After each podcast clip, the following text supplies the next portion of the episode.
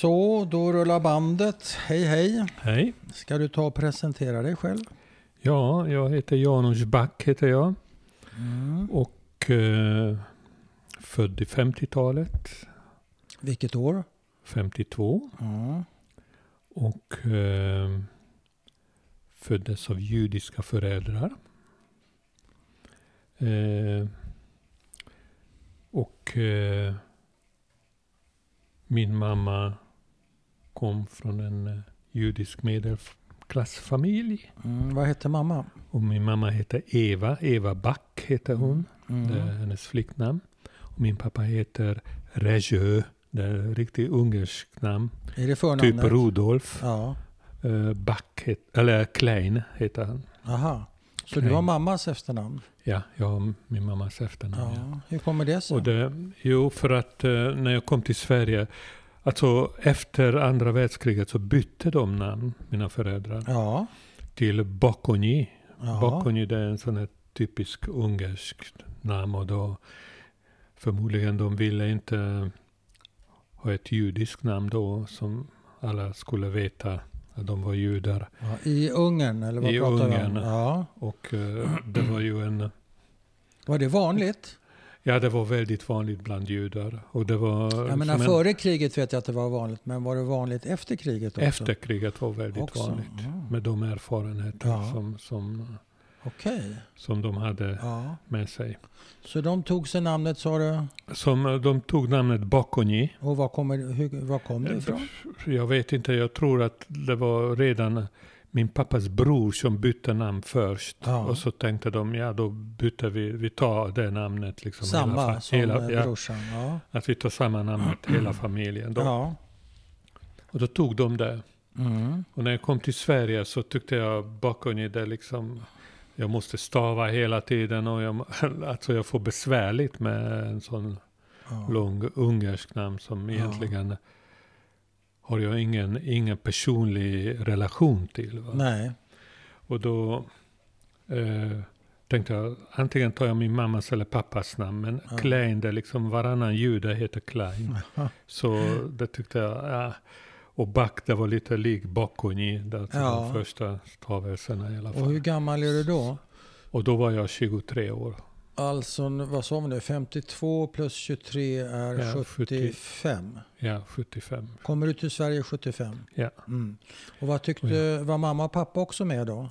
Nej, nej, alltså Nej. Jag, jag kom alldeles själv. Du kom själv. Ja, kom. Och vad tyckte de om att du eh, bytte namn? Alltså min pappa blev lite sur att jag inte tog hans namn, naturligtvis. Men eh, min, min mamma tyckte det Hon var tyckte det jättebra. var bra. var, var du närmare din mamma skulle du säga? Ja, det var jag tydligen så. Alltså nu efterhand eh, förstår jag det.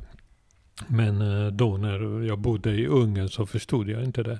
För att de Nej. var, alltså jag hade, mina föräldrar var väldigt varma människor och eh, vi hade en eh, familj som, eh, som höll ihop och jag var väldigt älskad av mina föräldrar, Ja. båda två. Ja, Och de gjorde jättemycket saker för oss barn. ja. Jag har en bror som är tre år äldre. Han är adoptivbror till Mm, mig. Mm, som heter? Som heter Ervin. Ja. Och eh, han vet inte om att han är adoptivbror till mig. Eh, lever han? Lever han? Ja, han är 73 år. Så att om han lyssnar på det här då blir han chockad. Ja, men det får han inte reda på. Det Nej. ska jag se till att han inte gör. Ja. Och eh, Hur vet du det? jag har liksom känt hela min uppväxt att han var så fullständigt annorlunda. Vi hade liksom ingenting som var gemensamt. Nej. Varken utseende eller, eller någonting. Jag, jag förstod rätt så. Du, du fick eh, upp det på radarn relativt tidigt alltså? Att det här är Ja. inte min Ja, precis. Och han var... biologiska bror? Exakt. Ah. Och, och jag alltid skämdes lite grann för honom för att han, han är nästan lite förståndshandikappad. Alltså han är inte förståndshandikappad men han Nej. är väldigt vid gränsen kan man säga. Ja. Han är fortfarande betraktas som normal. Funktionsnedsatt säger man väl kanske Vad idag? tror du? Funktionsnedsatt Ja, funktionsnedsatt kan, kan man kalla va? Ja. Men Så- eh, när får du det här bekräftat, din känsla? Jo, mina föräldrar kom hit, hälsade på mig 1978 första gången. Ja, Eller min pappa, min mamma var här redan 76, kom och besökte mig. Jaha. Och eh, min pappa kom då första gången 78. Och eh, då, då sa de att ja, vi vill berätta en, en historia, en- en, hemlighet för dig. Ja, Och så sa jag till dem, ja men jag vet det. Jag, jag, jag vet vad det är. ja. Och då liksom blev han jätteförvånad. Är det någon som har berättat för dig? Nej, sa jag. Du, du förstod vad han skulle berätta och du Ja. visste redan? Ja, precis. Wow. Och då berättade de att min bror var adoptiv. Ja. Och så, så sa jag, ja det visste jag hela mitt liv. Ja. Nästan. och, eh, eller jag förstod det. Och intuitivt så visste jag det. Ja. Så det var inga nyheter egentligen. Och Men då, varför hade de aldrig berättat det för Erwin, för din bror? det har flera orsaker. Dels att, att 50-talet så gjorde man inte det. Nej. Det var den, en, den ena saken. Den andra, att de ville verkligen att, att det barnet skulle vara deras eget, eget ja, barn. ja. Så att det inte skulle, alltså det skulle inte vara skillnad mellan Nej. mig och honom då. ja. Var, förlåt, var han tre år äldre än du? Han är tre år äldre än mig. Så det betyder, gissar jag, att de först inte kunde få biologiska barn. Är det Ja, därför de det var så att- adopterar? Ja, att efter min mammas deportation så var hon så dålig skick. Va?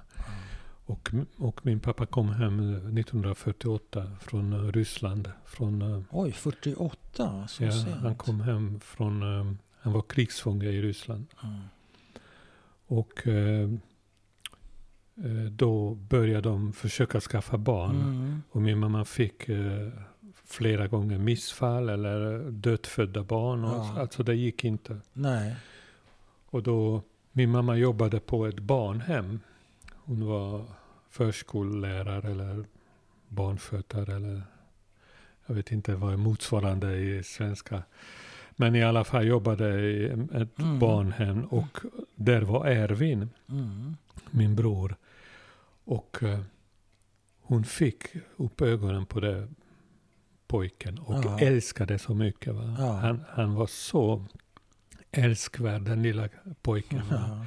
Han var väldigt liksom eh, mysig och, och ville vara nära och Ja, liksom hela tiden. Så att, Kontaktsökande såklart. ja, så att um, min mamma älskade honom redan då Ja, helt enkelt. Och så ad, ad, pratade med min pappa och så adopterade de honom.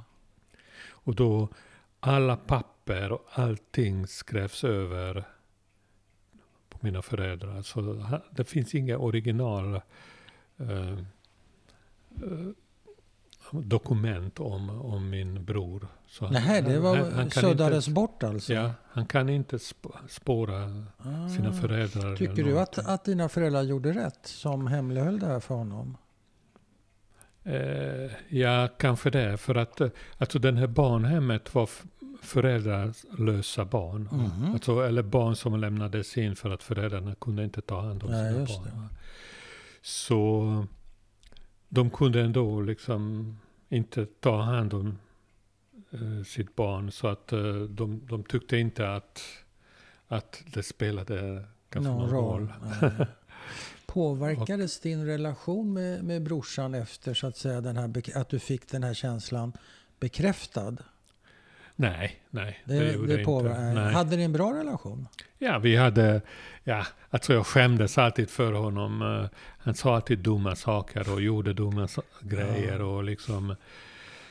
eh, Jag var tonåring så gick vi ut eh, mm, och eh, jag, jag skämdes för honom Ja, alltid. Ja. För, inför mina vänner, inför... Ja. Vad tycker du om Så- det idag? Ja, det, det var klart att det var liksom inte en rolig känsla. Va? Jag, jag undvek att, att, eh, att gå med honom någonstans eller ta med honom Mm. eh, bland eh, mi, mina vänner. Ja. Så det, det, det, vi levde helt olika liv. Ja, hade han att, egna kompisar? Ja, det hade han egna. Och han gick eh, eget skola och sen gick Mm. utbildning och så. Mm. Han blev yrkesmilitär av någon anledning. Och, alltså, jag vet inte. Nej, okej. Liksom, levt ett helt annat liv. Ja. Så att eh, jag har inte följt Nej, honom liksom all så. Va? Vi ska lämna ärven tror jag. Eh, du sa någonting som jag tyckte var intressant, nämligen att jag frågade eh, vem stod du närmast? Mamma eller pappa? Då sa du mamma har jag förstått i efterhand. Ja, Och det tycker jag var ett intressant ja. formulering. I efterhand. Vad menar du med i efterhand? Nej, men alltså när jag bodde i Ungern så, Ja. så alltså, både min pappa och min mamma var väldigt nära. Mm. Och de gjorde saker och så kallade uppoffringar. Och Mm. vi, eh, vi levde en rätt så, alltså vi var inte rika. Vi var Nej. inte fattiga heller. Vi kan man säga en medelklass. Ja. Kan man säga. Min pappa hade rätt så hög eh, position inom, eh, inom polisen eller inrikesministeriet. Så att säga. Ja, ja. Så vi hade rätt så hyfsat bra med ekonomi. Men det är inte så att, att, att vi kunde slösa och sådär. Nej, nej. Och eh, bodde rätt så enkelt. Men vi bodde mitt i stan i Budapest. Mm. Alltså så, så centralt som man kan bara bo. Alltså. Vid parlamentet. Två gator från parlamentet. Ja. Bakom då? För parlamentet ligger Nej, väl... det finns... Ja, parlamentet ligger vid Dunau. Ja, och sen en, finns så- det parallella gator Ah. som går så här. Okej. Och den andra parallella gatan som går ner Ja, mot D- Dunau. ja. Där bodde ni? Så, så där bodde vi. Oj. Där växte jag upp. Och eh, gatan heter Beloanis-gatan. Mm. Och Beloanis var en grekisk kommunist som Aha. dog martyrdöd när han skulle ta ner den fascistiska flaggan från parlamentet i Aten. Ja, okej. Och då hans namn blev liksom... Men apropå kommunist, var, eller du skulle berätta klart om Ja, i efterhand. ja. Det var efterhand. det? Ja. Ja, men alltså de var båda två väldigt nära. ja. Och, ni Och, bodde i eh, den här lägenheten? En stor lägenhet kanske? Då? Nej, det var en Nej? liten eh, Ja, på... okej. Vad kan man säga? Jo, eh, den lägenheten var på kanske, vad kan man säga, 70-80 kvadratmeter Ja. kanske. Och det var en tvårummare, Mm. en uh, sekelskiftehus som, Mm. som var en av de första husen i Budapest som hade centralvärme.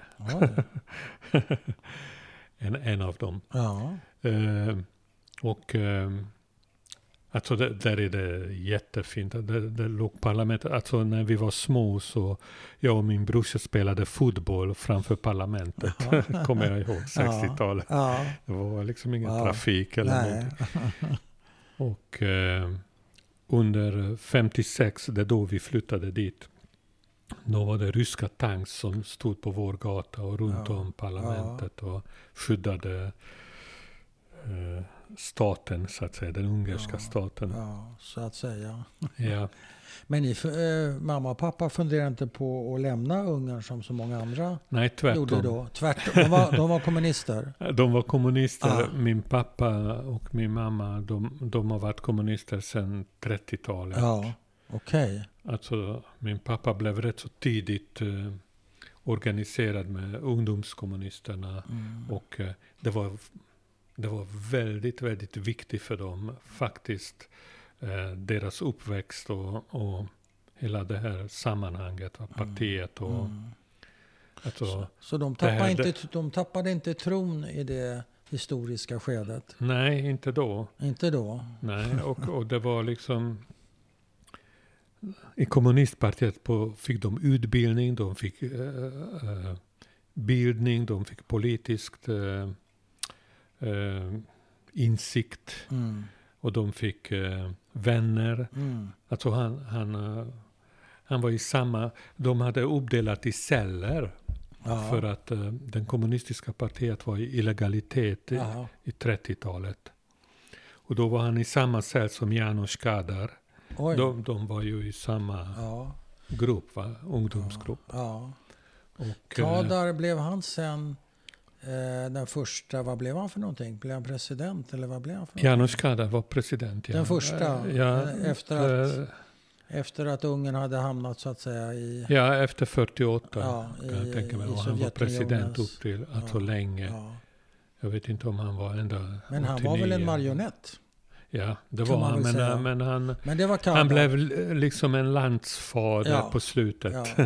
Så pappa umgicks verkligen i de högsta kasten Ja, det kan på man den säga. tiden. För att han, eh, han var de well, var ungdomsvänner. han var väl well connected som man säger på Ja, svenska. precis. Men det var liksom inget, inget som han sökte efter Nej, eller nej, så, nej, utan men det var slump, Ja. slumpen. Men han var ju, och mamma var också övertygad och kommunist. min mamma var också övertygad, fast inte på samma sätt som min pappa. För Nej. att eh, hon var, alltså kvinnor är mer jordnära kan man säga. Mm. Min pappa var idealist liksom. Mm. Och eh, när jag gick i skolan och sen så småningom eh, gymnasiet och jag eh, gick militären så såg jag liksom eh, alla de här eh, schizofrena lögnerna som genomsyrade hela Ja. det så kallade socialistiska samhället. Ja. Att det var en sak som man sa och en annan sak vad man gjorde. Va? Mm.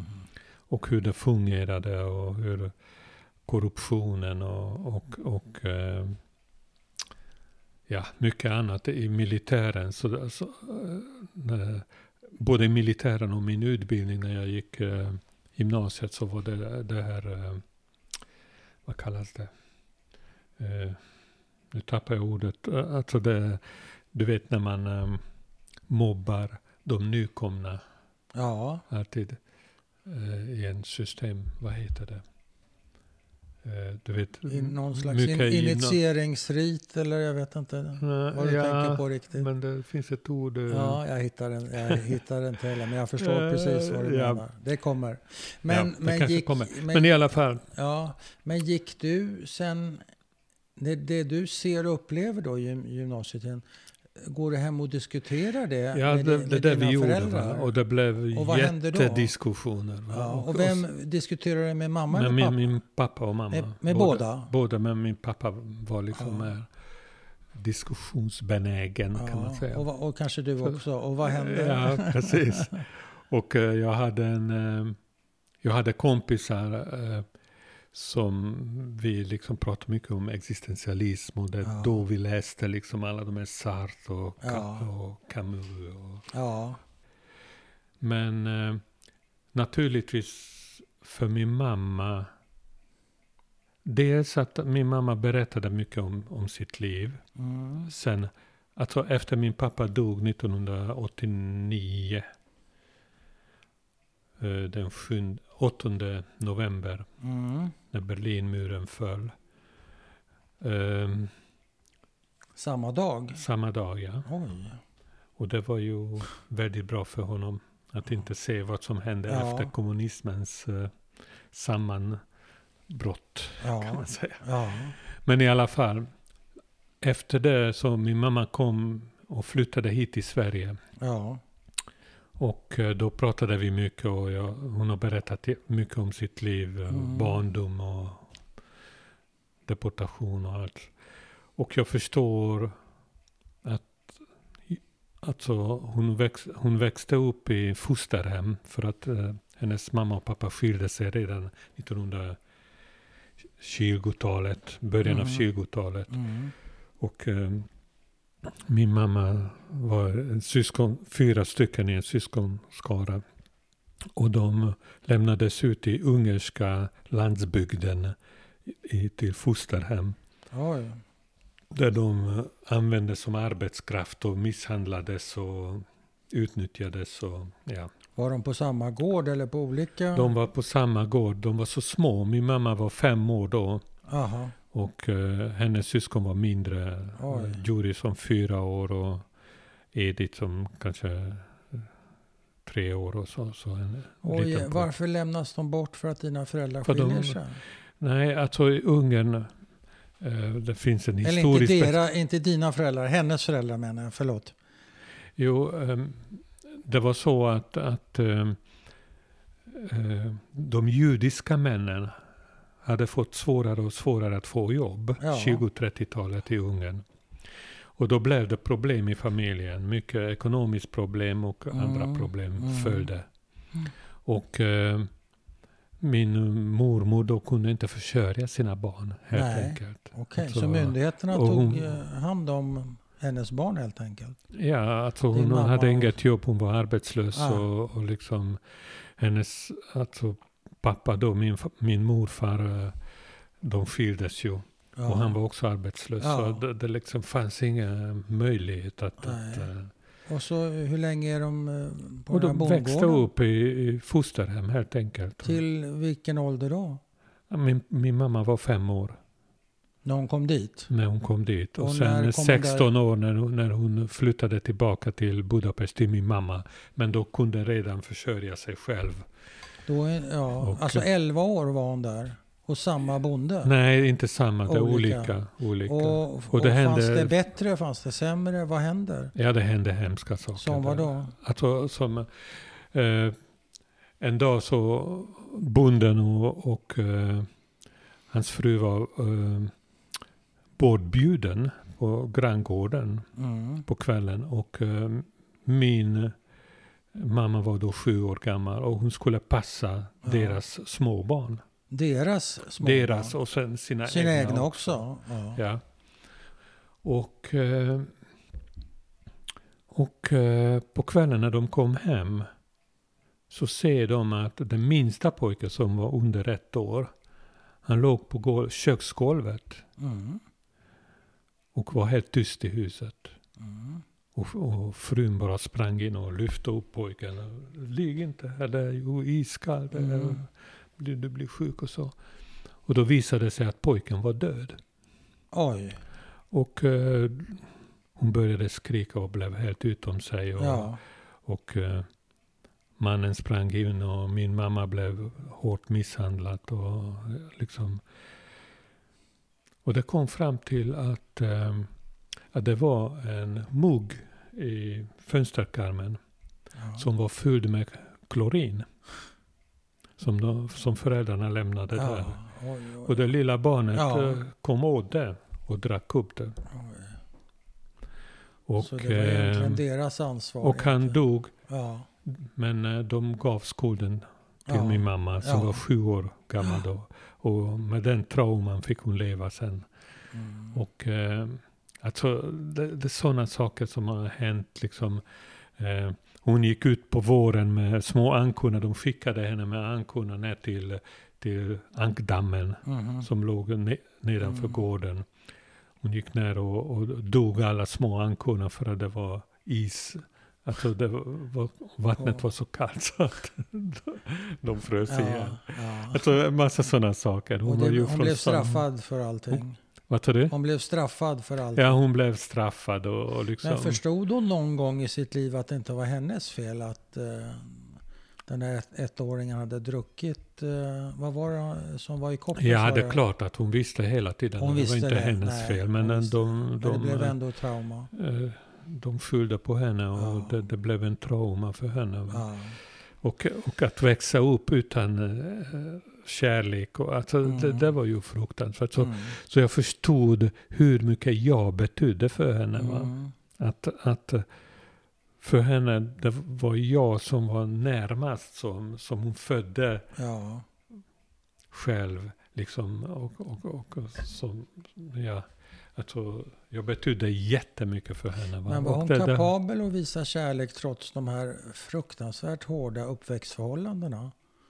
Blev hon inte helt eh, känslomässigt eh, förstörd av det? Ja, det vet, jag, det, det vet jag faktiskt inte. Nej, men för som, att, du, som du, vad du märkte? Nej, jag, alltså det enda jag märkte att, att, att hon var väldigt eh, nervös, alltså grälsjuk. Hon Ja. grälade jättemycket. Ja, med Och, vem? eh, Och på, både på min pappa och på, på oss som barn, men mest Ja. mm, med min pappa. Och att eh, den minsta saken kunde hon eh, liksom gräla på. Och, ja. Så det, hon hade svaga nerver helt enkelt. Ja. Och, eh, och det att hon ville krama mig jättemycket och pussa på och så. Liksom jag puttade bort henne. Ja. Det var liksom en motreaktion. Precis som jag mycket. kände att det blev för, för mycket. ja. Men hur uppfattade du det här, hennes grälsjuka sida? Hur, Nej, jag bara stängde av. Du stängde jag av? stängde av helt enkelt. Alltså det, det så. så, så reagerade du? Ja, ja. Mm. Så att, eh, men eh, som sagt, det var efterhand så förstod jag hur nära jag stod henne och vad Mm. jag betydde för henne. Men det, det blev ändå nästan för mycket för att även när vi sen bodde i Sverige Ja, så fick jag påminna henne många gånger att jag är inte din man, jag är din son. liksom, eh, jag kan inte erbjuda dig den närhet som min pappa Hade. gav dig. Ja, ja. jag är din son. Liksom. Och vad sa, Det- vad sa han då? Ja, hon, hon sa inte så mycket. Utan det, det blev ibland när det blev för mycket. Liksom att hon, hon krävde saker. Att jag skulle vara där liksom, eh, oftare. Fast jag var där varje dag. Liksom. Och det räckte men, inte? Men länge, nej. Det, det Det räckte skulle vara- aldrig? Nej, Alltid nej, mer? nej. Så hennes eh, behov var omåtligt. Ja. Omättligt Ja. kan man säga. Gav det dig dåligt samvete? Ja, nu, nu efterhand har jag lite grann. För att eh, slutet av hennes liv när, jag, när min bror gick i pension. Ja. Då, då flyttade vi henne ner till Ungern igen. ja. Och eh, jag har lite dåligt samvete för det. Men jag, jag, jag förstod att jag inte orkar längre. Nej. För att eh, hon blev sämre och sämre naturligtvis. Och jag förstod att det skulle hända att hon hamnade på institution. Mm. och kan inte svenska. Och då skulle jag kanske vara alltid där och måste översätta Mm, och ha en mm. länk mellan Mm. personal och henne. Och det skulle jag inte orka eller hinna Nej. med. Eller. Och hur blev det i Så Ungern då, den sista I flytten? Ungern var det, hon kom till en jättefin eh, eh, äldreboende. Mm. Men grejen är så här att hon aldrig kände sig hemma i Ungern på slutet. Nej.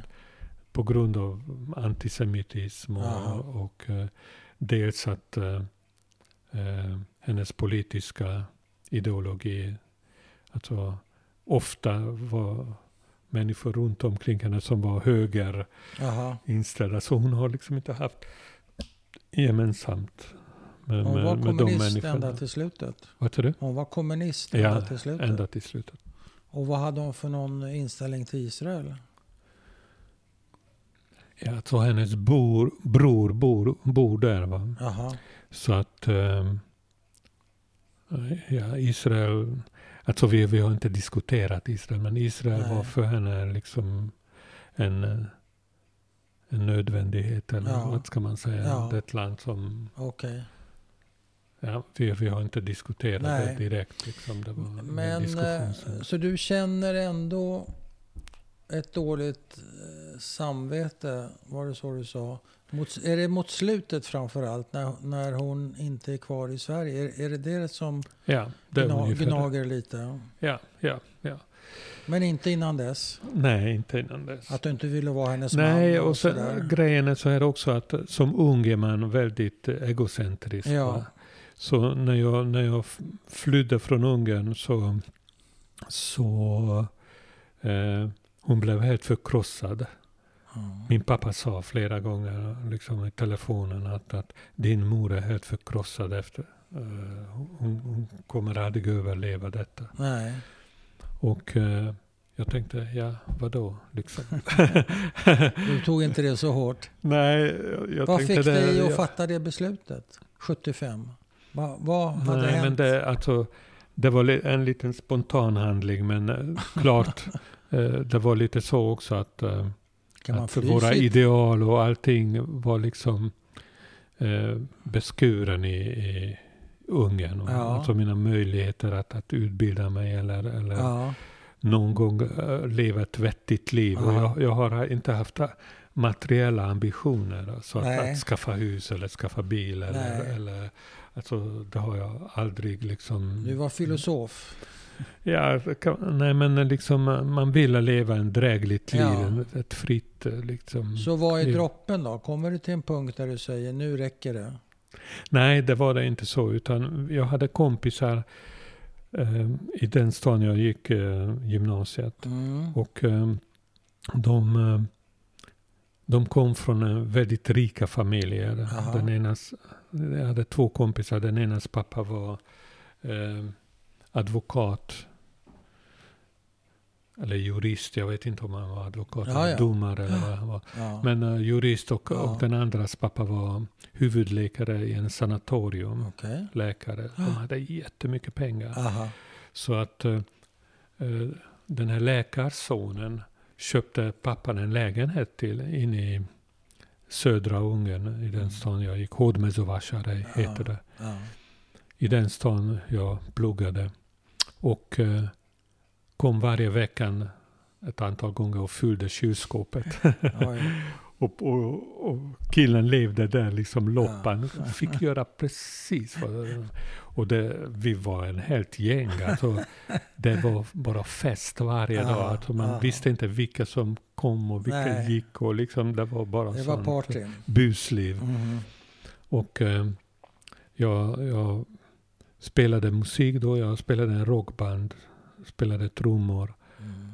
Och gick gymnasiet samtidigt. Mhm. Och, och liksom vi levde, pff, alltså som sagt. Och, eh, och vi drack och, och ja. Så var det en sån, sånt eh, liksom, vad ska man säga, hippieliv eller eh, jag vet. Ja. Jo, så till slut, eh,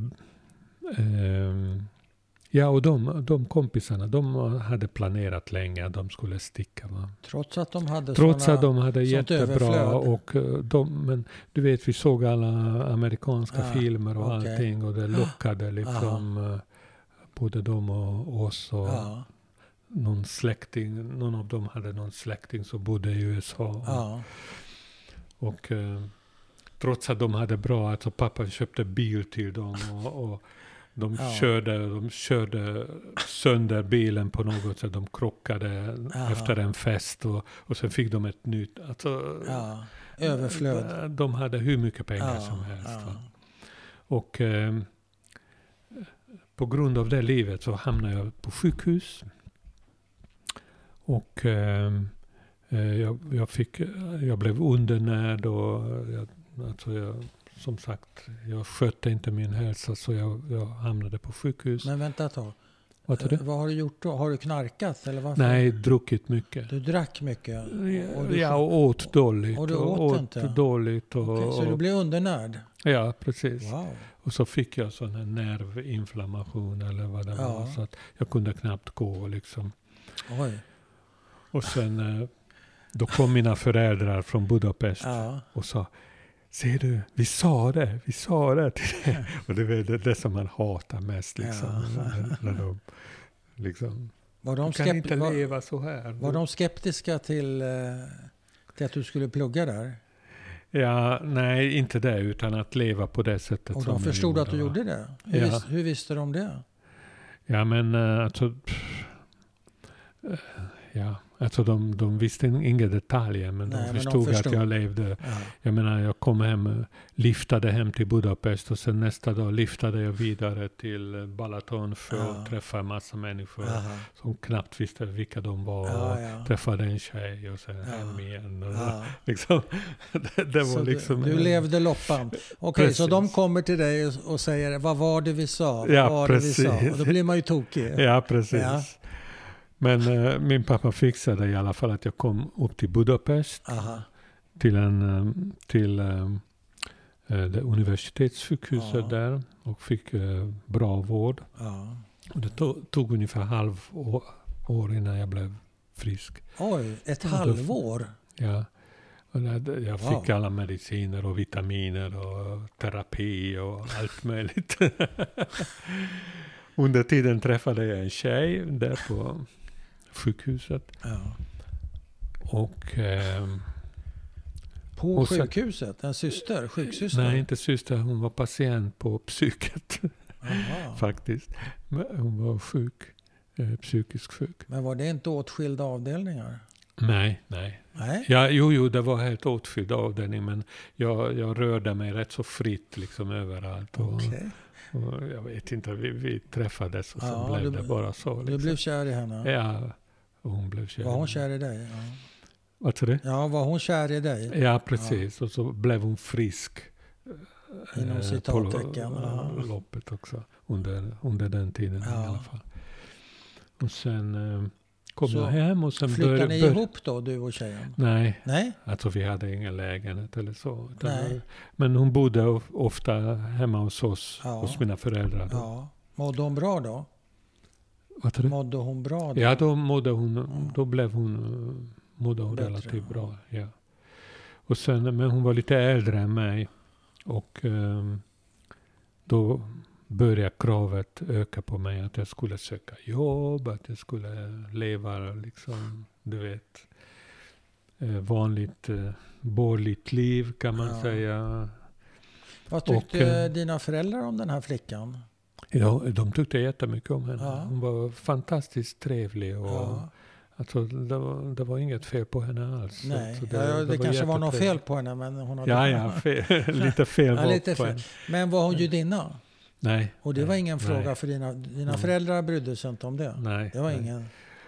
Och eh, tillhör berättelsen också som är viktig kanske i sammanhanget att jag visste inte ens att jag var jude ända tills kanske var 14-15 år Oj. när, när mina föräldrar började prata, eller mina flickvänner och började undra och, och jag började ställa frågor och sånt här. Va? Och varför började flickvännerna undra? Ja men det är liksom, de visste bättre. Hur kunde de veta det? Ja, jag vet inte. Alltså jag, jag är inte, inte omskuren så jag vet inte. Nej. Jag, jag, jag vet Men de visste, eller de inte. började De, fråga? de visste, de förstod. De, de förstod och då att- började du fundera? Ja, Och, och, vad hände? och frågade mig. Ja. Och då, då kunde jag inte svara på det. Nej. Så, så frågade jag mina föräldrar och så. ja. Och ehm, det här också, att de var ateister och kommunister. Och så Ja. undrade jag liksom, men pappa också jude och du också jude. Ja. Varför, varför gifte ni just ni er? Ja, Alltså, just ni, ni kunde träffa en icke-jude eller Ja. vem som helst. Ju. Men eh, de sa att på den tiden så var det så att även om man inte trodde så visste man vilka som var judar Ja. och man ändå Och man skulle inte till- gifta sig eh, med en icke-jude. Liksom. Nej. Men Även berättade de rakt ut att du var jude då, eller? Ja, då, ja, precis. Ja, De Direkt. börjar och så, alltså det kom väldigt långsamt. De berättar pö om pö och berättar om deportationer. Men det, det är väldigt, väldigt litet. Ja. Alltså, Mammas deportation. Eh, min mammas Ja. Vi kan komma till det.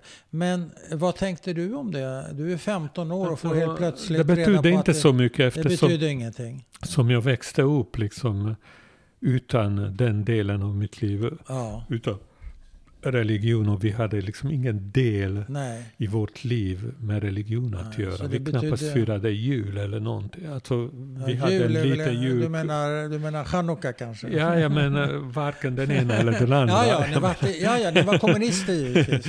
Man Så att- firar varken det ena eller andra. Ja, Första vi, maj kanske? ja, första maj och fjärde april befrielsen eh, Ja. från fascismen Ja, och lite sånt. ja. Men eh, Okej, inga... så inga du får klart för dig att du är jude, men det är ingen stor grej egentligen. Nej, det betyder liksom Och vad inte hände så. med de här flyktplanerna då, efter att du har repat dig och allting? Jo, och sen eh, när jag träffade, alltså jag gjorde min militärtjänst först, det har jag inte berättat om, Nej. att, att jag gjorde en tvåårig militärtjänst. En Jaha. vapenfri militärtjänst. Ja.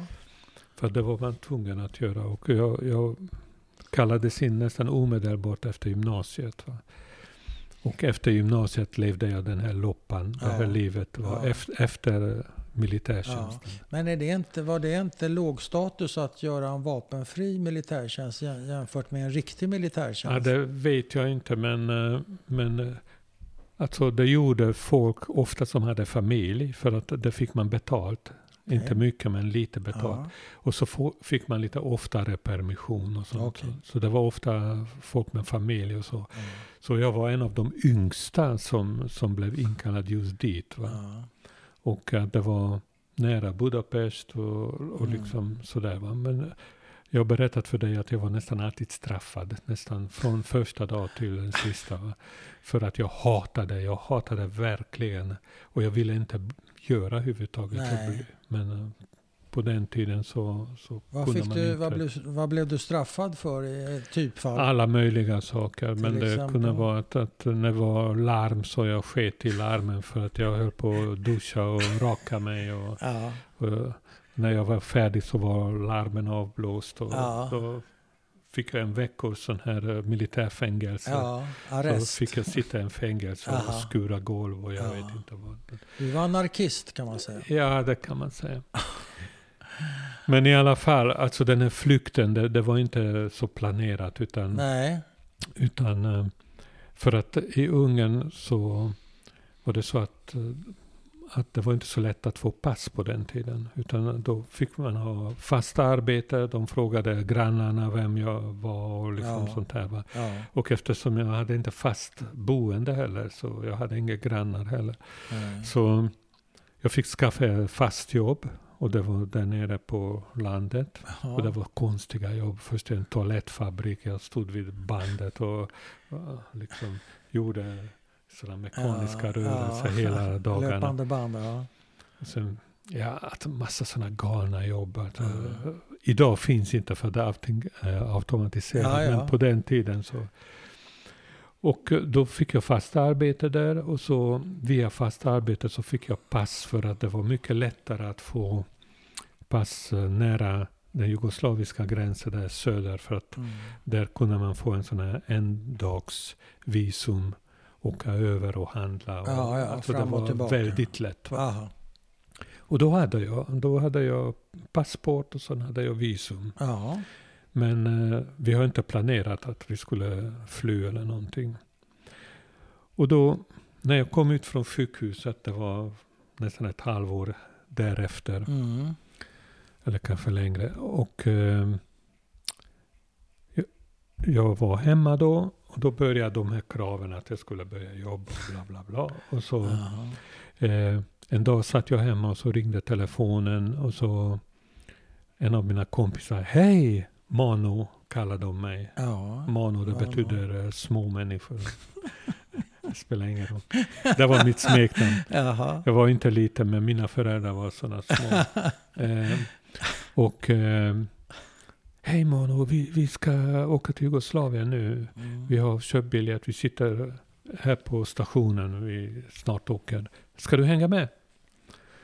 Och det var kanske en timme innan de skulle, skulle tåget gå. Liksom. Eh, Klockan tolv på natten. Mm. Och då sa jag att, ja men vänta, vänta jag kan inte bara så liksom åka ut. Jag har inga pengar, köpa Nej. biljett eh, för oss. Men jag kan komma efter imorgon. Och då, ja ja, okej. Då, då träffas vi i Mhm. Rijeka, sa de. Mm. Och eh, de stack iväg och sen eh, jag, nästa dag så sa jag till min mamma att jag måste åka ner till landet för att jag har skulder som jag måste betala och jag får låna lite pengar för att betala de här skulderna. Ja. Och, Du ljög helt Ja. enkelt. och, eh, Och utan några eh, samvetskval? eh, utan några Några samvetskval. Ja. Och då åkte jag till stationen, köpte jag biljetten Ja. och sen klockan 12 gick tåget så stack jag. Ja. Och då, dagen därefter klockan nio var jag vid Rijeka och Mm. träffade mina kompisar. Mm, de väntar på dig. Ja, de väntade på mig Mm. då. Och då blev det fest, naturligtvis. Det det var sådana festnissar, alltid fest. Aha. Och eh, hyrde vi en taxi och så taxikörde vi ner till gränsen till eh, Italien då. Och eh, då var vi där och sen på kvällen efter solnedgång så, så simmade vi över där gränsövergången precis. Alltså det finns en, det var en bom och en, en soldat en, med Ja. vapen som stod där, det var gränsen liksom. Ja. Och så simmade vi runt om det Ja. rakt in i en pub. I en, den militärpub, italiensk militärpub. Okej, Där så lämpligt. Vad du? Så lämpligt sa Ja, precis. Det var väldigt lämpligt. Festen kunde Men om fortsätta. den här vakten hade upptäckt er, hade, riskerar inte ni att bli beskjutna då? Ja, Ja, ja, ja. förmodligen. Ja. Så det var inte ofarligt?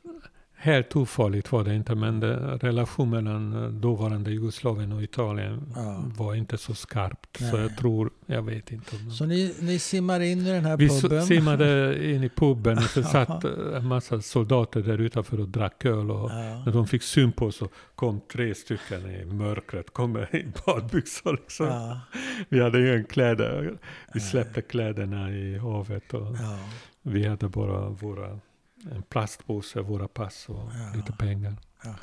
Så sa vi att eh, vi är flyktingar från Ungern och då tog de oss in kläder och Ja. vi fick eh, mat och, och sprit, värma upp oss där. Men det var Ja. varmt, det var Ja. s- sommar, det var första september. Och vad var, vad var din känsla? Vad var din första känsla av Allting frihet? var bara ett äventyr, det var Äventyr. spännande. Det var liksom allt. Men var det allt också en känsla nu. av frihet? Ja, det var lite eh, frihet, men det var också äventyr. Det är som man på film, liksom. Allting. Man beundrar allt, liksom. Du vet, eh, polisbilen, eh, Alfa Ja. Romeo Ja, ja. och, och polisen. Och liksom allt, allt liksom. Så du går omkring som i en film? Ja, precis. Man, okej. man, Lite liksom- overkligt. Ja, en huvudrollspelare. Ja, i Men hur, hur hamnar du i Sverige då och varför? ja, och sen kom vi till, eh, Ringer du till mamma och pappa då? ja efter ett tag ja. I, Ital och- i Italien? Ja, precis. Ja. Och så sa jag att Och vad händer? Nej, jag skickade först ett kort, ett, ett vykort. Ett vykort? Att eh, de behöver inte oroa sig, jag är i Italien och här är det sol och varmt och skönt. och right. min mamma blev helt förkrossad liksom. Och, Ja. och ja, det var, det var en jättestor grej för dem. Ja. Speciellt för min pappa, han var ju kommunist. Vi bodde i, då flyttade de från den lägenheten till en annan Ja. lägenhet. Det Ja. bodde bara poliser eller in, de som Ja. jobbade i inrikesministeriet. Och det var väldigt viktigt hur man såg ut och hur man eh, liksom... Ja. En, eh, Och det var väl också viktigt, eh, jag menar det blev väl känt att hans son har flytt. Det kunde ju väl bli ett problem för pappa? ja, eller? fast då- var han pensionär så han var inte Men annars hade det kunnat varit ett problem kanske? Det hade haft problem. Det hade blivit problem Absolut. för honom. Ja, precis. Så- Hade du kunnat göra det här om han eh, hade varit aktiv tror du? Har du funderat på det? Ja, ja, ja det, det kunde jag gjort. Men han har gjort allt att eh, hindra mig och han har an- anmält mig hos polisen. Så att eh, bara att polisen eh, sa att de kunde inte göra någonting för det finns inget bevis. Anmälde, han anmälde dig när du att var i Italien? Eller Nej, innan? utan innan att jag skulle fly. För han visste om dina planer? Han visste inte men han Nej. anade. Då angav han dig för polisen? Ja, precis. Ja, det gjorde han. Oj. Fick du reda på det? Ja, efteråt. Ja, Efteråt, men inte då? ja. ja. Så det var ett dubbelspel lite grann mellan er. Du ljög ju för mamma, han ljög ju för dig. Det, alltså det är, ett, det är ett rätt så deformerat system kan man säga.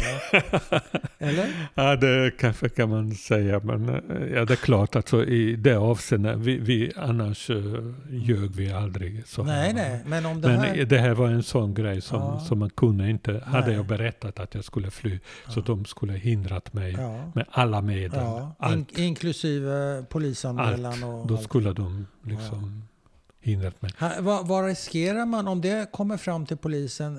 Eh, ha- Kan Alltså, man hamna jag- i fängelse då? Eller Jag, jag fick fängelse. Jag Du fick fängelse? Du blev dömd för Jag det här? fick eh, ett år någonting fängelse för att jag lämnade Ungern illeg- illegalt. Ja, Ja, ja. Så det var det fick eh, man. på allvar? Ja, ja. Och att min pappa berättade det, det är också lite att visa sin lojalitet Ja. mot eh, partiet. Ja. Eller mot, Han var lojal. ja, han var lojal. Alltså liksom, partiet och så familjen och så ska man väga de olika ja.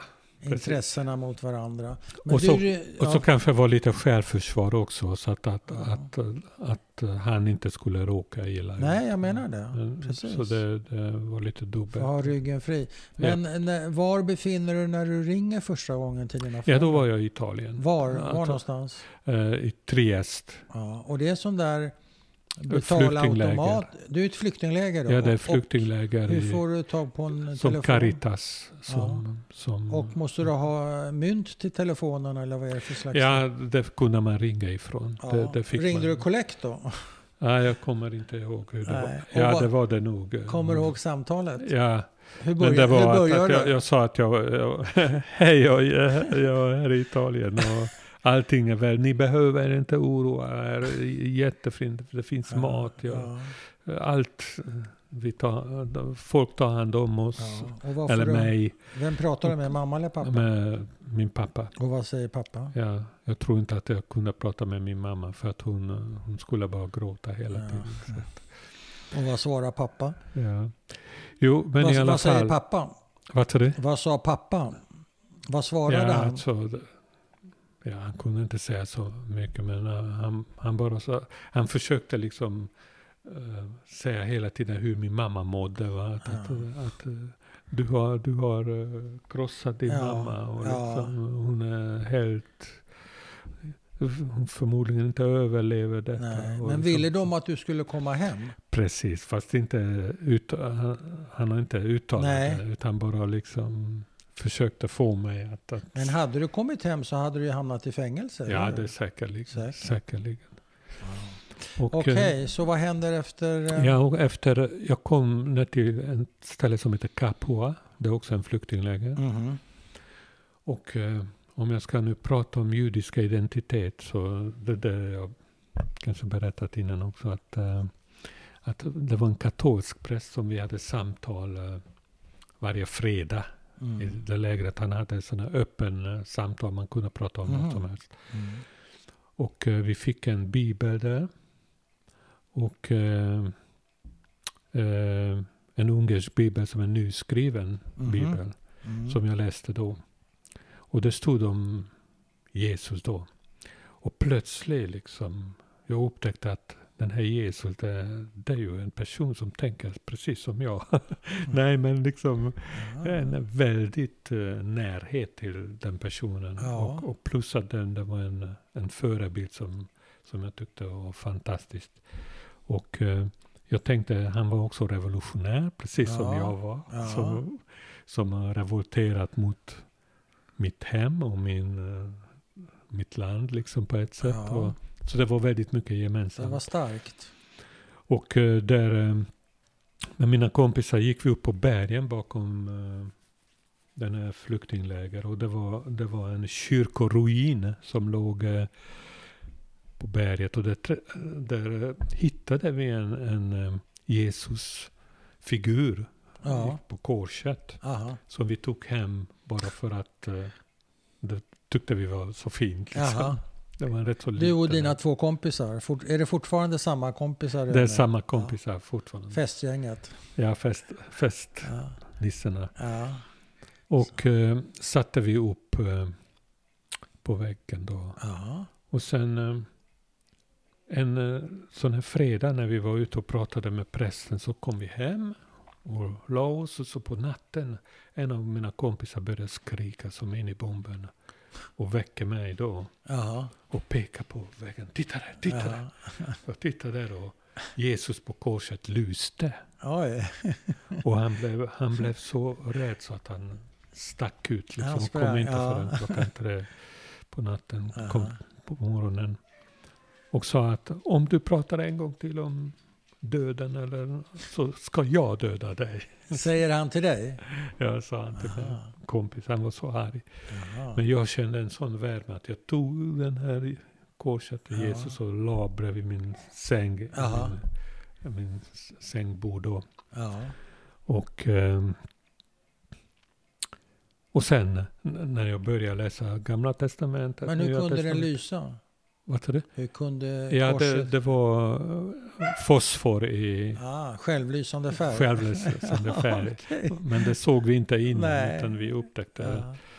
Ja. Okej. Och så Och- börjar du läsa Bibeln? Ja, och eh, då liksom, eh, liksom förstod jag liksom det här med judiska, det är Mm. judisk historia och judisk, Mm. hela, alltså Jesus roll i, i den judiska historien egentligen. va. Mm.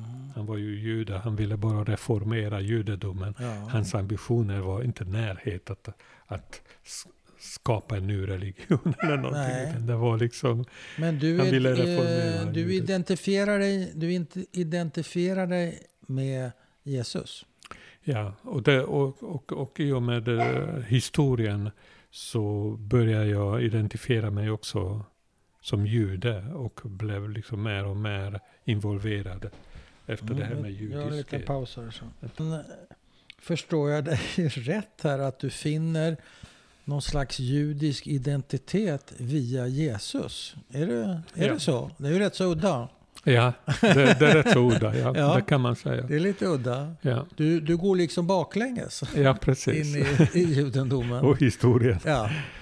Så när jag kom till Sverige så, Och, och när gör du det sa du? 75 flyr du? eh, 75, Det är sant. 74 flydde jag från Ungern. Ah, okej. den Första september. Ja. Och sen från första september så satt jag i det här lägret eh, till 70, juli Ja. 75. Jag kom Okej. hit nästan på min födelsedag. ja. Okej, Och- så att... Vad sa Och du? då var det en, en svensk kommission som kom ner till lägret från Arbetsmarknadsstyrelsen Mm. Och sa att, att vi tar alla som vill komma till eh, Sverige Ja. och eh, eh, inom två veckor och ni kan få jobb, ni kan Ja. få studera, ni Ja. kan eh, få boende och Right. allt ordnat sig. Sverige behövde arbetare.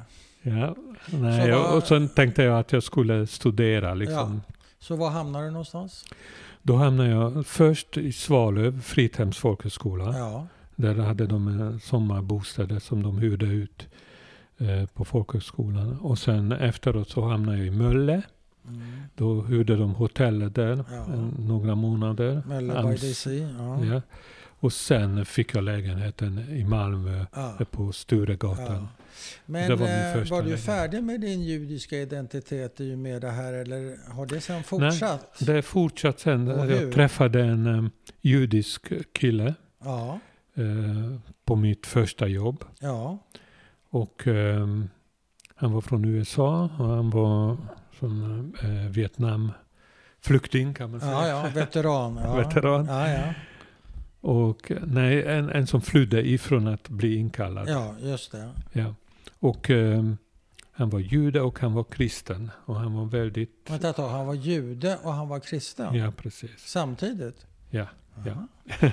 Nej, men han är judisk. eh, Familj. Han växte upp i judisk familj Ja. i, New York. Men var han eh, Och var kristen. övertygad kristen så att Han säga? var övertygad kristen, troende, jätte, kristen. jättestark, Ja, bokstavstroende kristen. kristen. Och Han var, honom, honom eh, krokar du arm med? Ja, honom träffade jag och sen eh, då var jag fortfarande ensam. Jag hade varken vänner eller tjej eller någon. Nej. Jag var helt ensam här. Och eh, han bjöd mig till en midsommarfest bland eh, unga kristna. Hade en, en sån här Frälsta. Fest. Ja, som bodde i kollektiv och Ja. såg lite hippieaktig ut. Och ja. För det var fortfarande tilltalande för mig och det var allt nytt. Så jag kom med där och, och så småningom så, så blev jag, blev jag lite mer en del i, i Mm. den gruppen. Mm. Och så träffade jag min fru då där Mm. och eh, vi gifte oss och eh, vi flyttade i ett kollektiv då. Vi bodde ute på Kroksbäck. Det var en jättestor kristen kollektiv som Ja. bodde där. Och betraktar du dig som kristen då? Ja, Ja. det gjorde jag. Fast Frälst? med förbehåll. Eller vad? Med förbehåll? med mycket Vad förbehåll. betyder det? Ja, alltså, jag var alltid lite så att, att jag, jag tog liksom inte emot eh, färdiga teorier. Eller, utan utan jag, jag fick alltid eh, liksom frågasätta och Ja, ja, tänka frågar- egna okej, saker. okej. Och jag har haft min egen tro och det är fortfarande så att, att som Jesus för mig är en, en fantastisk förebild. Och, Ja. och, eh, och eh, jag, jag gillar honom som person. Ja. Känner du Men- honom tycker du? Alltså mycket som det, står. eh, Ja. Som, ja, Men, någon. eh, Men i alla fall eh, så jag är inte kristen på, på det sättet. Alltså jag, jag går inte i kyrkan och jag går, jag delar inte den institutionella kristna traditionen. Nej, nej. Men, men eh, men du är sympatiskt inställd eller du sympatiserar och- med Jesus? jag vet vad det handlar om och Ja. jag tror, jag tror på kärlek, alltså den kärleksbudet han, Ja. han eh, eh, predikar. Det, det. det tror jag på. Men är det, vad betraktar du som idag? Är du jude idag? Ja, jag, jag betraktar mig som jude. Som jude? 100 procent? Ja, det, det beror på vad, alltså jag är en dålig jude. För att, det finns alltså, inga dåliga. alltså, det är som att säga att man är en dålig människa. Nej, men alltså jag, jag känner inte till traditioner. Jag går aldrig Nej, nej. till synagogan och Nej. jag, jag följer inte eh, de buden som... Men ja, det känner kan- du jo, dig, gör jag. eh, Jan, och känner du dig accepterad av den judiska gruppen i Malmö till exempel? I, i den mån Alltså, man kan prata om I en den mån jag pratar med dem, men jag berättar liksom inte i detalj att jag tror på Jesus eller, eller att jag... Nej. Det har jag inte berättat. Utan eh, Nej. alltså min judiska identitet ligger ju på min familj och Ja. min, alltså, var jag Men du, ifrån. vad intressant. Du, du säger att du berättar inte för om du träffar en jude här i Malmö så berättar du inte om din kristna tro Kop- eller vad vi ska nej, säga. Nej, det Men inte. Det var ju samma sak som dina föräldrar. De be- berättade ju inte om sin judiska, Judiska. bakgrund. Så Ja. det, det har gått lite i arv. Ja, det kanske... Kan man säga är så? det. Men jag berättar inte heller om att jag är jude det för heller. vem som helst. Va? Inte? Nej, det inte det jag. heller? Nej, nej, nej. nej. Alltså Nej, jag, nej. jag tänker noga vem, vem jag Wow. berättar för. Har vi en nyinflyttad eh, Ja. familj här Ja, där, ja. där är kvinnorna ungerska. ja. Och de vet inte att jag är jude. Eller jag har Nej. inte sagt. Kanske men jag kommer så Det småningom. är ju ingen plikt att Nej, nej, att nej, är nej, men eller? alltså antingen att jag måste känna de människorna lite Ja. längre och, ehm, och om jag- naturligtvis när jag berättar min mammas deportation, Ja. när jag är ute i skolorna, Ja, då berättar jag jag klart att förstår. men eh, är där är klart. det jag är anonym på ett sätt, eller jag spelar en roll. Ja, men eh, finns det någonstans där du känner dig hemma? Skulle du säga? Nej, men jag, jag passar mig Eller bryr du väldigt dig inte noga om det? också. Är det inte viktigt att känna sig hemma? Alltså jag har en ambivalent känsla när det gäller det. Va? För Ja. att eh, eftersom min, mina föräldrar, eller min pappa var kommunist, ja, min mamma också, men, ja. eh, och eh, blev så kallad lurad på sitt liv eftersom han satsade man på säga. samma kort. va? Man satsar på fel kort. Ja. Eh, därför jag har alltid liksom aktat mig att hamna i någon grupp överhuvudtaget. Ja, Så jag kan säga, te- alltså jag kan säga att, att jag, jag utanför alla grupperingar. Jag, jag har alltid varit lite rädd ja. för att komma in i ett, något sammanhang och Ja. vara en del, liksom Tri- intim del av du, det. eh, Betyder det att du ser på dig själv som en betraktare? Du är Ja. lite vid sidan av och betraktar så att säga. Ja, absolut. och det gör trivs du med den rollen? Jag trivs eller gör inte heller för att man blir väldigt ensam. Ja, man blir På ensam. ett sätt. Ja, men människan är ensam. Ja, det är man ju.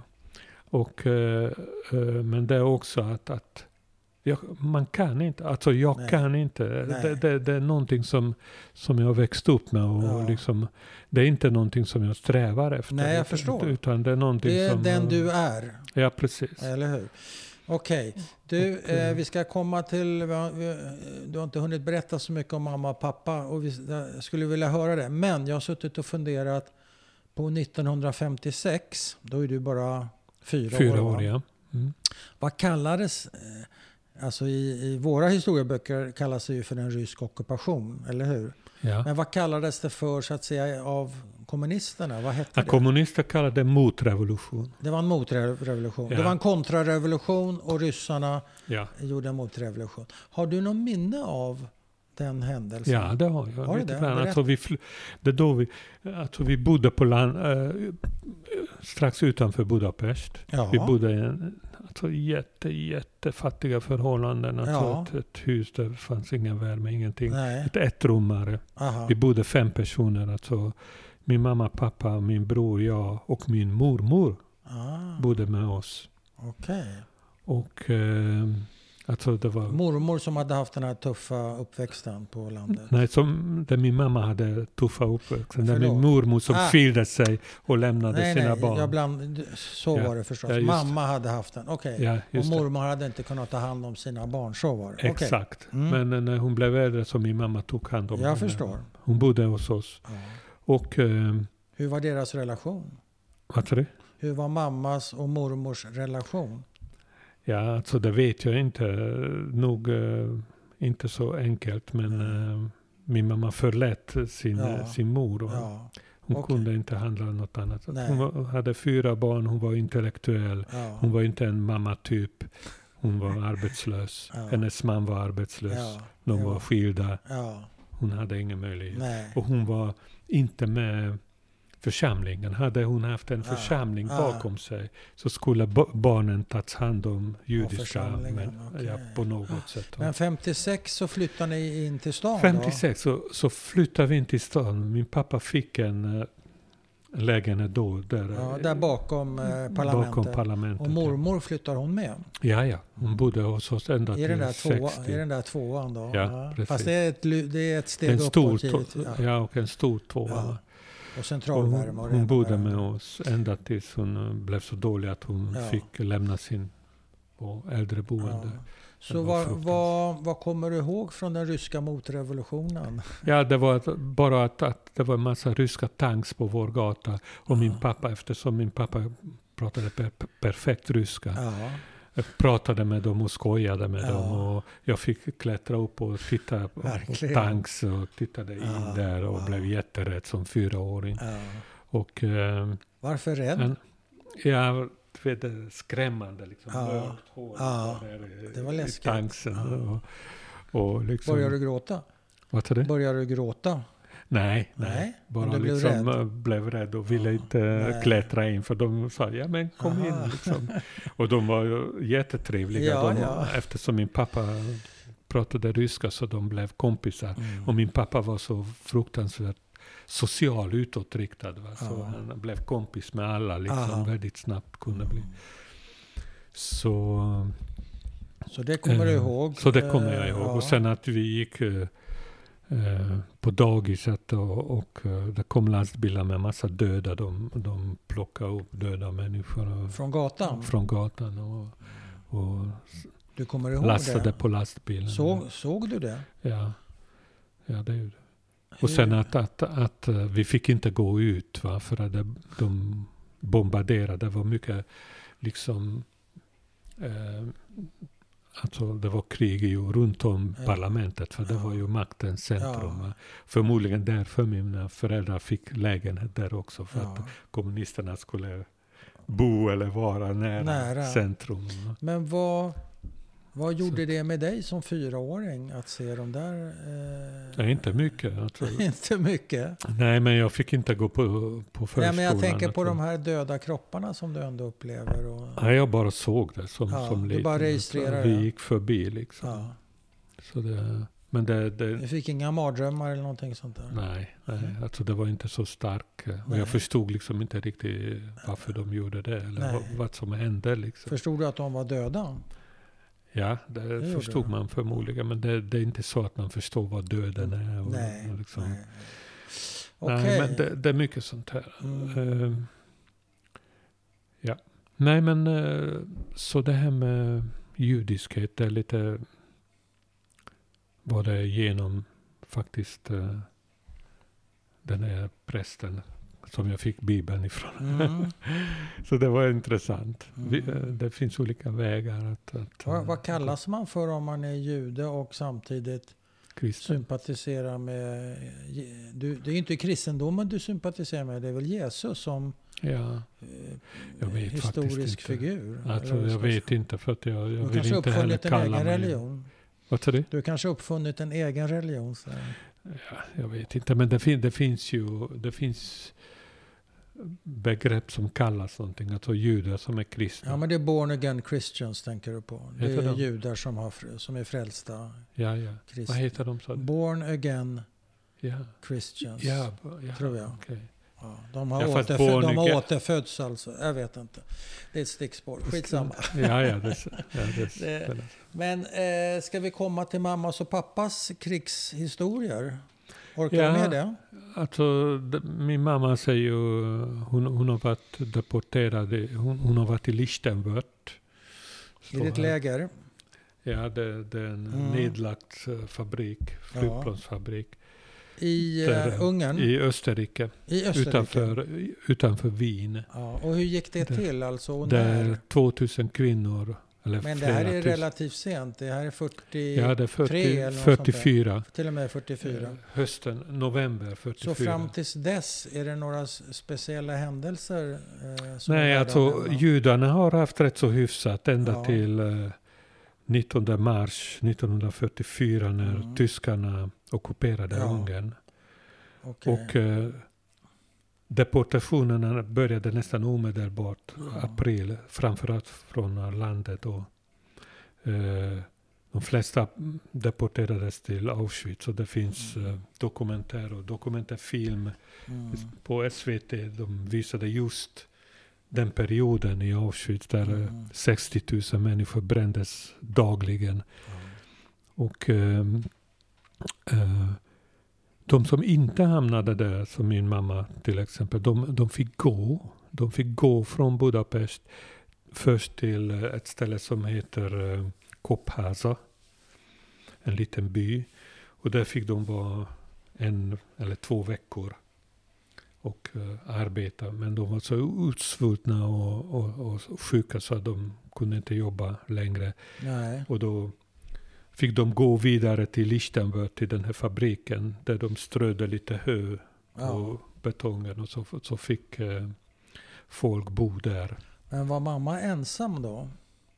Eh, nej, hon hade hade de sex sig- väninnor, Sex väninnor? så de ja, var sju stycken som höll ihop Som kände... under hela den perioden. ah, Och delade allting och tack vare det som överlevde, alla sju Mm. överlevde den här Mm. perioden. De var där från eh, november, mitten av november, ända till 2 april 1945 ja. befriades de Av vem? Och- av, av vilka då? av ryska, Av ryska ryssarna, trupperna. Ja. Och, eh, Och då är det 500 människor som levde av de nära 3000, Oj. två, mellan 2 och 3000 Ja. personer. Varav mamma 500. och hennes sex eh, kompisar. Ja, levde. Och sen fick de gå tillbaka till Budapest. Hur långt är det? Det är ungefär Vad- 200, lite mer än 200 kilometer. Det är 20 mil. Ja, Det tar ett par dagar. ja det tog eh, nästan två veckor att gå tillbaka. Ja. Och sen de var sjuka och de stannade Ja. vissa ställen. Och, Hade de Så. svultit och... eh, ehm, så Hade, att, hade eh, de eh, svultit på slutet? Eh, Hade de inte fått mat? Ja, precis. Alltså det, det, det är att de, de har fått eh, mat en gång om dagen. Ja. Väldigt lite. Aha. bröd ett, ett hekto per Ja, dag. Det var ja. rationerna. Ja. Och, och eh, folk dog av allt möjligt. Ja. De, de kunde döda minsta sjukdomen Ja. och så svälten och, och lös och allt. De, de eh, ja. Alltså min mamma berättade när de var på väg tillbaka så hamnade hon på en, eh, en, eh,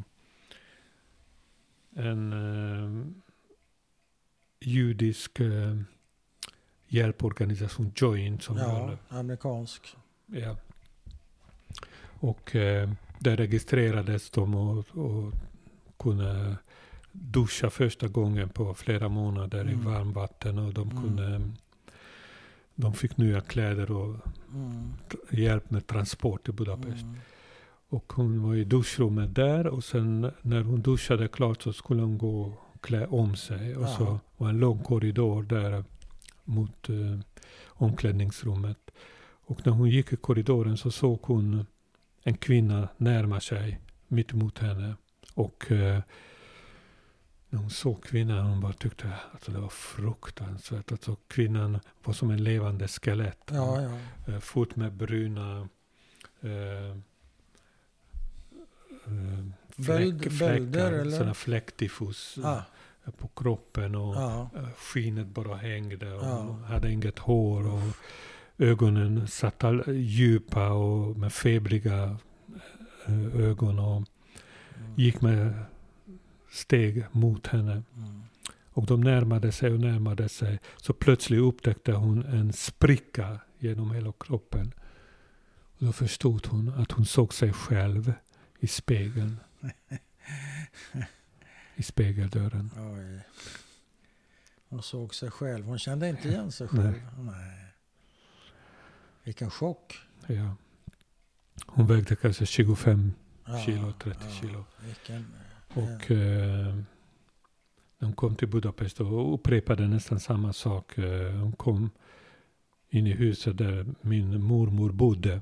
Gick upp på andra våningen och såg vad min mormor gick in i sin lägenhet. Det Ja. var såna här eh, spiraltrappa. S- Nej, inte spiraltrappa utan det var runt eh, eh, balkong. En här Ah, rund balkong i Ja, huset ja. Mm, runt om. mm. Så gick hon upp och ringde på. Och min mormor kom ut och frågade vem söker ni? Ja. Hon kände inte igen sin egen dotter. Nej. Så då kom hon in och, Tufft. och sen... Eh, Hur präglade det här din eh, mammas fortsatta liv skulle du säga? De här erfarenheterna? vad sa du att hur? Hur präglade Hur det präglades? här Ja, men det hennes liksom fortsatta det- det- liv? Dels att för de familjerna hade jättestor betydelse. Ah. Så det- familjen var allt. Ja. När de bråkade så ofta hörde jag min pappa säga, vad bråkar vi om? Vi har överlevt. Ja. Alltså, vad är det för bagateller du, Ja. du bråkar om? Vi lever, vi har familj, vi har allt. Mm. Så det, det har jag fått höra ofta. Och att de var nöjda med livet för att de hade liksom helt andra referenser. Och min mamma Ja. alltid sa sen här i Sverige också att hennes lyckliga period i livet, det var det enda när, när vi kom, alltså barnen, Ja. jag och min bror. ja, det var... Och eh, den perioden var hennes lyckligaste Ja. period i livet. Förebrådde hon dig någon gång när hon kom till Sverige? Du, Nej. du har precis sagt att det enda som var viktigt för henne det var familjen, det var hennes barn. Och Ja. hennes barn, Hon förstod. du, du överger ju dem. Hon Du flyr. förstod, hon förstod för att hon, jag tror att någonstans jag levde ut den drömmen eller den önskan min mamma hade att, att, att komma ifrån Ungern. Ja. För att det som har hänt dem, det hände genom mycket av den ungerska antisemitismen och, Ja. och fascismen Ja. Som var då. Va? Så det, hon, hon har inte velat komma tillbaka. Alltså hon, hon trivdes jättebra i Sverige trots att hon kunde knappt svenska. Men kunde hon uttrycka det, det du precis nu sa? Att du, Ja, ja, hon sa att det. du levde ut det som hon Jaha, nej, eh, nej, det sa hon inte. önskade men inte vågade. Så Nej. kunde hon inte prata om det. Nej. Men det är, Nej. din, det är din idé, det är din fantasi Ja, ja. att det var så. Och det är ja. det över, ja, det är, min, det, ja. det, det är min, mina Mer än tankar. fantasi kanske, Ja, det din övertygelse kanske. Ja, övertygelse. Mm. För att eh, min mamma trivdes aldrig i Ungern. Och när, när hon var tvungen att flytta tillbaka Ja. så umgicks hon aldrig med de gamla människorna som Inte- var i det nej. stället. Va? Vi ska runda av, men vi ska höra lite om pappas historia. Eh, Ja, min- Jaha, det är en tavla här. Ja. Vad sa du? Nej, nej. Det har, ja. Har du gjort den? ja, jo, det har jag. Jag har ja, gjort det. Ja. För jag tänkte Men- på men den det- förut. Det, det är också lite om min mammas och min förhållande. Va? Jaha, ja där är du i alla fall och där är mamma. Nej, utan Nej. det... Alltså du... Nej, det var fel. Ja, där ja. Här börjar det. Ja, det ja, ja, ja. ja. Och det Och sen kan- kommer den ut där, ja. Ja, jag tror den, den här tavlan heter egentligen den oklippbara. Ja, navelsträngen. Ja. Det trodde jag. Jag trodde, jag trodde aldrig, jag trodde det gick att klippa den. Ja. Eh, Men är det, är det... eh, Alltså det gick inte att klippa. Så länge min mamma levde så hade vi detta. Ja, navelsträng. Och varför gick den inte att klippa? Mamma... det går inte. det gick inte för att det går Det gick inte. Vad är det för förklaring? det går inte. Utveckla. Ja. Va, va, Nej, men eh, liksom... eh, min mamma levde så, i symbios med, med mig liksom. Ja, som barn och sen eh, lite så. Så hon, hon för hennes del kunde Ja. inte klippa. hon kunde jag inte försökte, klippa den. Nej, okej. men Men jag försökte klippa. Ja, det är därför Ja. jag flyttade Ja. från Ungern. va. Du behövde ha ett avstånd. Ja, precis. Ja, Men okej. sen flyttade hon tillbaka. Eller hon flyttade hit så Ja. blev vi igen. Liksom. Men Så blev att, det trångt då när hon flyttade hit för dig? Ja, det blev det. Det blev det. Vadå, trångt? Trångt. Mentalt trångt. Känslomässigt ja, det trångt. blev det ju. Det blev det? Ja, alltså jag var hemma hos henne varje dag. Det är liksom så. Nej, min pappa, om jag pratar om min pappa, han, han, han var i Ryssland ju i Ja. åtta år. Ja, han flydde österut, Ja, eller vad men- hände? Först eh, blev han inkallad i ungerska armén. Ja. eh, Gjort vapenfri tjänst eftersom han var både kommunist och jude. Ja. Och judar fick inte ha vapen. Nej, det var så Utan- arbetssoldater eller Ja, alltså tvångsarbete. slavarbete. Ja, slavarbete. Så de blev utskickade mot ryska fronten. Mm. För de skulle, Kanonmat, ja, precis. helt enkelt. Men han stack redan 41 Wow. genom fronten till ryssarna. Ja, Och eftersom han var kommunist och, och hans liksom förebild var ryssarna. ja så det var liksom Ja. inget fel på det. Nej. Och så var han där i åtta år och eh, han undervisade tyskar i marxism, leninism. För de I skulle ju Moskva, eller omskola. Var, var någonstans då? Det var Sibirien och Sibirien? var. Så vad sa du, åtta år från 41? Det är Till 49. 48. Ja, 48. Ja, eller redan han, eh, 40 kanske. Hade han en bra 40. tillvaro där alltså? Nej, det var han alltså han var inte privilegierad. Han var precis likadan som, som alla andra Ja, men fångar. trivdes han och, när han fick vara i moderlandet, i kommunismens hemland? Han var ju, hade ju kommit hem så att säga.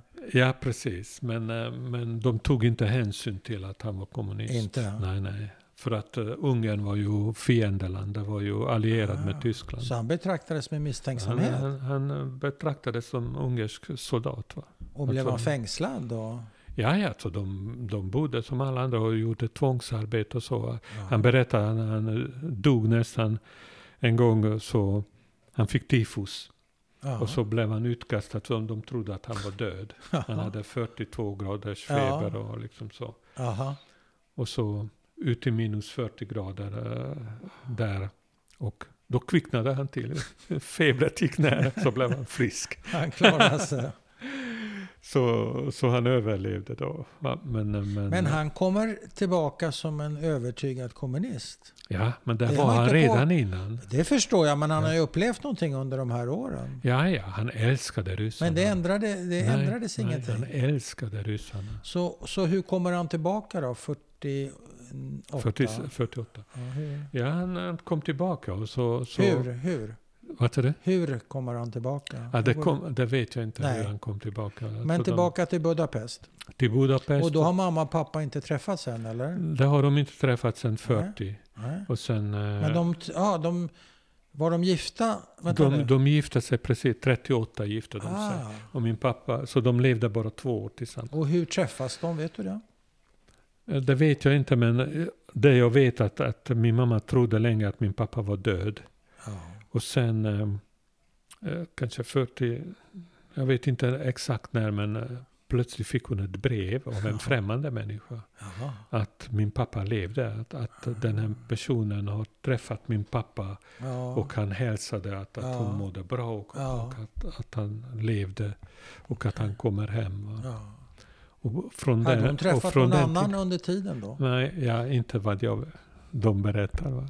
Inte vad jag vet. Men eh, alltså eh, sagan eller berättelsen eh, är att, att, eh, att min mamma väntade på min pappa. Jaha, vad tror du? liksom- Ja, jag vet inte. Jag, jag tror att kanske hon hade någon. Jag vet inte. Trots, trots att hon var rätt så ung och liksom vacker och så.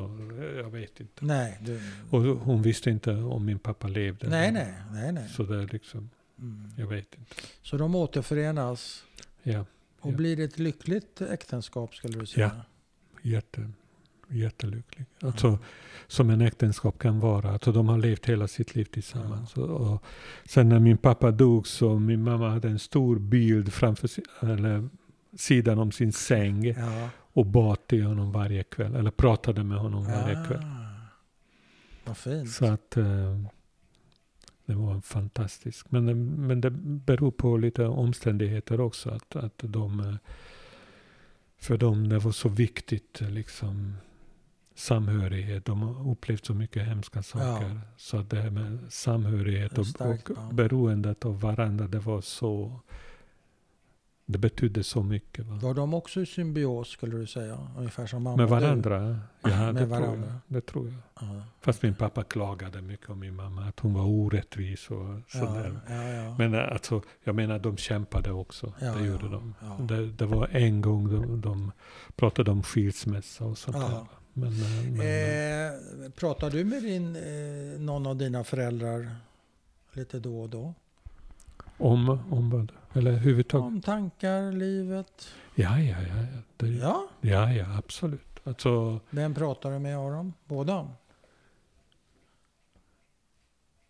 nu, nu hänger jag inte med. Vad sa du? Jag frågade dig, pratar du med någon av dina föräldrar? Jaha, och mina Ungefär för... som mamma gjorde med pappa tänkte jag. Du Jaha. berättade att hon har ju fotografiet där hon pratar med honom varje kväll. Ja, och då ja. tänker jag så här, pratar du med, med din mamma eller med Jaha, din pappa? nej, eller? nej, det gör jag Det gör du inte? Nej, nej, inte på det sättet. Nej. Nej. Nej. På vilket sätt? Men jag tänker mycket på min mamma och jag har en del skolkänslor. Just för att jag flyttade tillbaka henne till Ungern. Och, ja, Vilket hon förmodligen inte ville egentligen. nej. Fast sen eh, eh, när hon pratade om det så pratade hon om, om, om det var hennes egen eh, idé att flytta Ja, tillbaka. ja. Men eh, Men du, Mm. du pratar inte med dina föräldrar, men du tänker på dem? eller? jag, jag tänker framförallt på min mamma. Min pappa tänker jag också på, men inte så mycket. Nej. Min mamma tänker jag mycket på. Så att, eh, ja. Är det några särskilda situationer? Nej, det, nej, det kan vara vad Till som vardags? helst. Men eh, du vet, vi är ute mycket och vandrar. Va? Så, Ja. och så tänker jag mycket på den vandringen som min mamma gjorde från, eh, från Budapest till eh, Ja. Lichtenwörth. ja. Och var vandrar, var vandrar ni någonstans? Ja, vi vandrar överallt. Här i Sverige? Både Sverige och utomlands. Ja, och då tänker du på hennes Och då, vandring? då, ha- då tänker jag på hennes vandring. va. Ja. Alltså, vår vandring är ju väldigt för, förberett med Ja. eh, bra kläder och bra Ja, skor och allt ja. det. Och ändå besvärligt många gånger. Men eh, hennes vandring var liksom helt med dåliga kläder utan mat och vatten. Och liksom folk som dog runt omkring och blev slagen och, och spottad och jag menar förnedrad. Och då tänker jag mycket på det. Och Ja. då tänker jag mycket att jag vandrar för hennes skull. Det är liksom det är en minnesvandring för min del. ja. Ofta.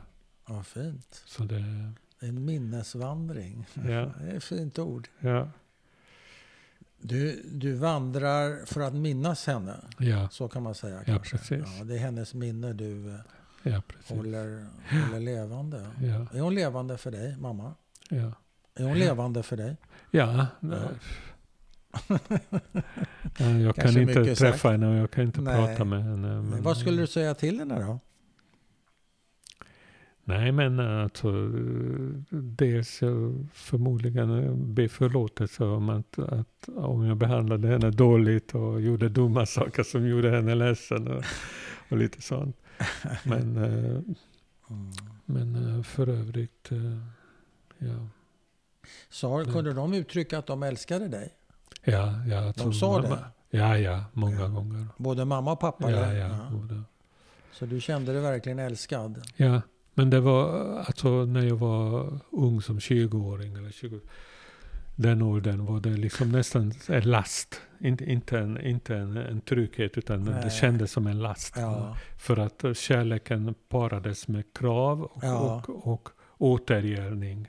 Aha, återgäldning också? Ja, alltså, Och of, ofta, ofta, av... ofta sa de liksom att Ja, vi har offrat så mycket och vi har satsat så mycket. Ja. Och vi har ju, och så, och så då, då svarade jag alltid, jag har inte bett om att, att eh, offra. Jag har Nej. inte bett om att födas. Jag har inte liksom så. Va? Så det, den, där- det var en stående, Men vad ville de ha tillbaka egentligen tror du? inte mycket men eh, Ja men, eh, till exempel eh, att jag skulle lyssna på dem. Ja. Att, att göra precis som de hade ja, velat. Jag du, var en du skulle olydig skaffa son. ett eh, fast jobb och de ville egentligen att du skulle, trots att de var kommunister verkar de ha en del borgerliga dygder. Att man skulle ha ett fast jobb, och man skulle ha en lägenhet, man skulle ha och, ordning och eh, reda. Alltså gladaste hade de varit om jag hade gjort karriär inom, eh, inom Vänsterpartiet. Eller inte Vänster, Ja, inom kommunistpartiet. Inom, ja, in, inom eh, politisk eller Ja. på något sätt. Ja, det var det finaste. Jag, hade förmod, jag förmodade. De ville att du jag har aldrig bli- haft de ambitioner. Och jag, har, Nej. jag har inte... Alltså då var det rätt så typiskt för ungerska ungdomar. att De var inte politiskt eh, Nej, engagerade. Nej. Eftersom man kunde inte påverka någonting Nej. politiskt. Så att, Nej, och det var ju... ja. Det var ju dubbla bilder som du sa tidigare. Det var ju liksom inte...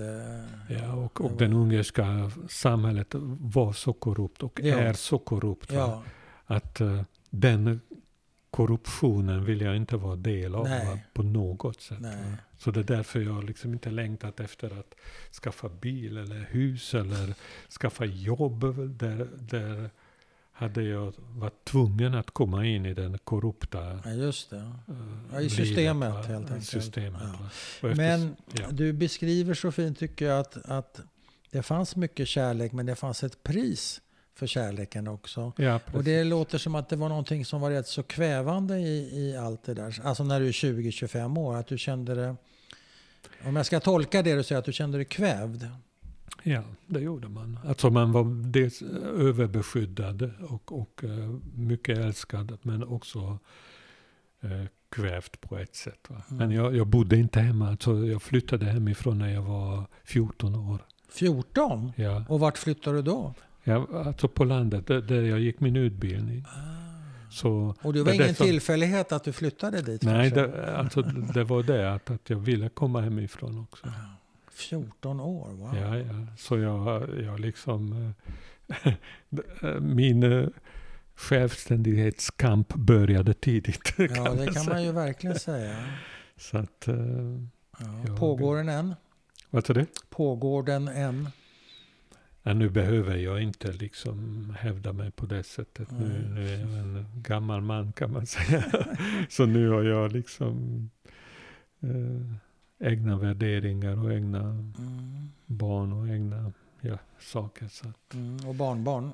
ja, och barnbarn. Så Mm. att, jo Okej. då, det är lite det. Det var lite så. Det var lite si, det var lite så. Ja, och det är säkert en del till som Ja. Vill du lägga till någonting. Janos? Nej, det är inte mycket nu. Så, Nej. eh, ja. Alltså det här som jag gör nu, det tycker jag är fruktansvärt meningsfullt. Att jag går runt i skolorna och Mm. berättar om min mammas deportation. Mm. Det tycker jag, det ger en eh, väldigt mening för mitt Mm. liv. Så att eh, det är jätteviktigt. Är det precis en... eh, Du pratade om minnesvandring. Ja, Det här är ju också ett sätt verkligen att hålla ja, hennes eh, minne, hennes liv menar jag, vid minne. Minne vid liv. Jag kan inte Ja, prata svenska ja. längre. Du, eh, du håller hennes minne vid liv. Vid liv, Så ja. menade jag det. Eh, är det så du ser på det? Ja, dels, och dels också som eh, generationen som inte känner till förintelsen och, okej. och liksom sprida det här. Ja. Något, alltså det finns inga garantier om att det inte upprepar Nej, nej, det redan det har vi ju sett. och redan händer hela tiden. Är, det, är det någon Mm. fråga du har fått som har överraskat dig? Som så att säga stannat kvar i dig Under tiden när jag är ute och När du är ute och pratar? Ja. Och pratar. Mm. eh, Egentligen inte, nej. Nej, utan Nej. det... Nej, det får jag inte. Men eh, jag får en del berättelser för att jag, jag har en sån här reflektionsavdelning efter eh, Ja. jag berättar mi- min berättelse. Och då en del av det om, om de själva har upplevt krig eller, Ja. eller om de själva Ja. har varit med eller föräldrarna. Mm. Och då ibland kommer fram eh, Intressanta eh, historier. ungdomar och berättar att, att, att någon av, i deras familj har dött eller de har sett någon dödad. Eller. Gör de då Mm. det inför hela gruppen eller gör de det bara till dig? Eh, Det har hänt någon gång att inför hela gruppen men oftast att de kommer efteråt också. Ah. Mm. Och det var några palestinier kommer till fram ibland och fråga om vad jag tycker om Israel och Palestina. och då sa jag att det då har inte med saken riktigt att göra. Men, men ehm, jag kan bara säga, jag, sa till någon tjej att, att engagera dig politiskt om du vill ha fri, eller om du vill ha fred i Ja. Israel så tycker jag att du ska engagera dig politiskt och försöka Mm. politiskt påverka och göra någonting Mm. så att eh, det blir fred. Mm. Det, alla strävar efter det, men hur, hur det, det vet man inte. Nej, det vet man inte. Annars hade redan gjorts. Så Exakt. ja, Okej, ungefär så. mm, då vill jag tacka så mycket. Tack själv. Tack så hemskt mycket. Tack